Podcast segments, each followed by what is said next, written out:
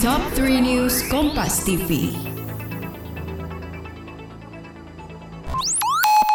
Buat kamu, para fresh graduates yang pengen tahu serba-serbi dunia kerja profesional, serta hak dan kewajiban karyawan dan perusahaan, yuk dengerin Podcast Obsesif, persembahan Medio by KG Media, hanya di Spotify.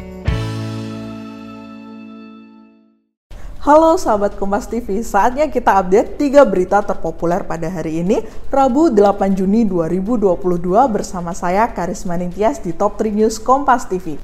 Sahabat, berita pertama ada kabar baik dari Gubernur Jawa Tengah.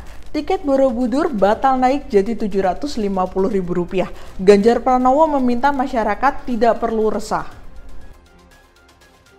Gubernur Jawa Tengah Ganjar Pranowo serta Menteri Koordinator Bidang Kemaritiman dan Investasi Luhut Binsar Panjaitan sempat mengadakan pertemuan di rumah pribadi Ganjar pada Selasa kemarin. Inti dalam pertemuan itu adalah kenaikan tiket Borobudur ditunda untuk sementara. Pemerintah saat ini masih menunggu proses komunikasi pihak terkait mengenai penetapan tarif selanjutnya.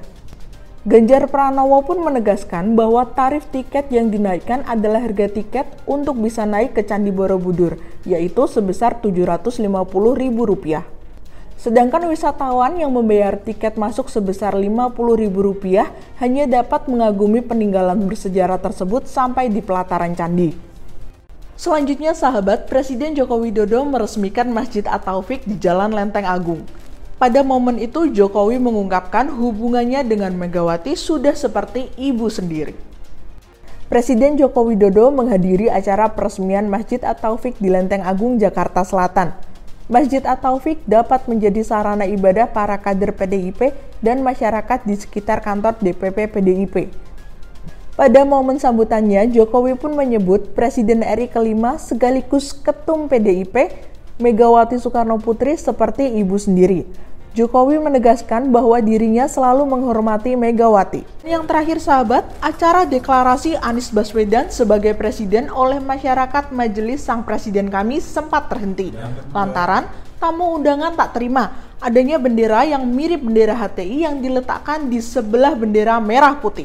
Tamu undangan tak terima adanya bendera yang mirip bendera HTI diletakkan di sebelah bendera merah putih di atas panggung. Tamu undangan yang merupakan relawan Anies tak terima sehingga panitia menurunkan bendera tersebut.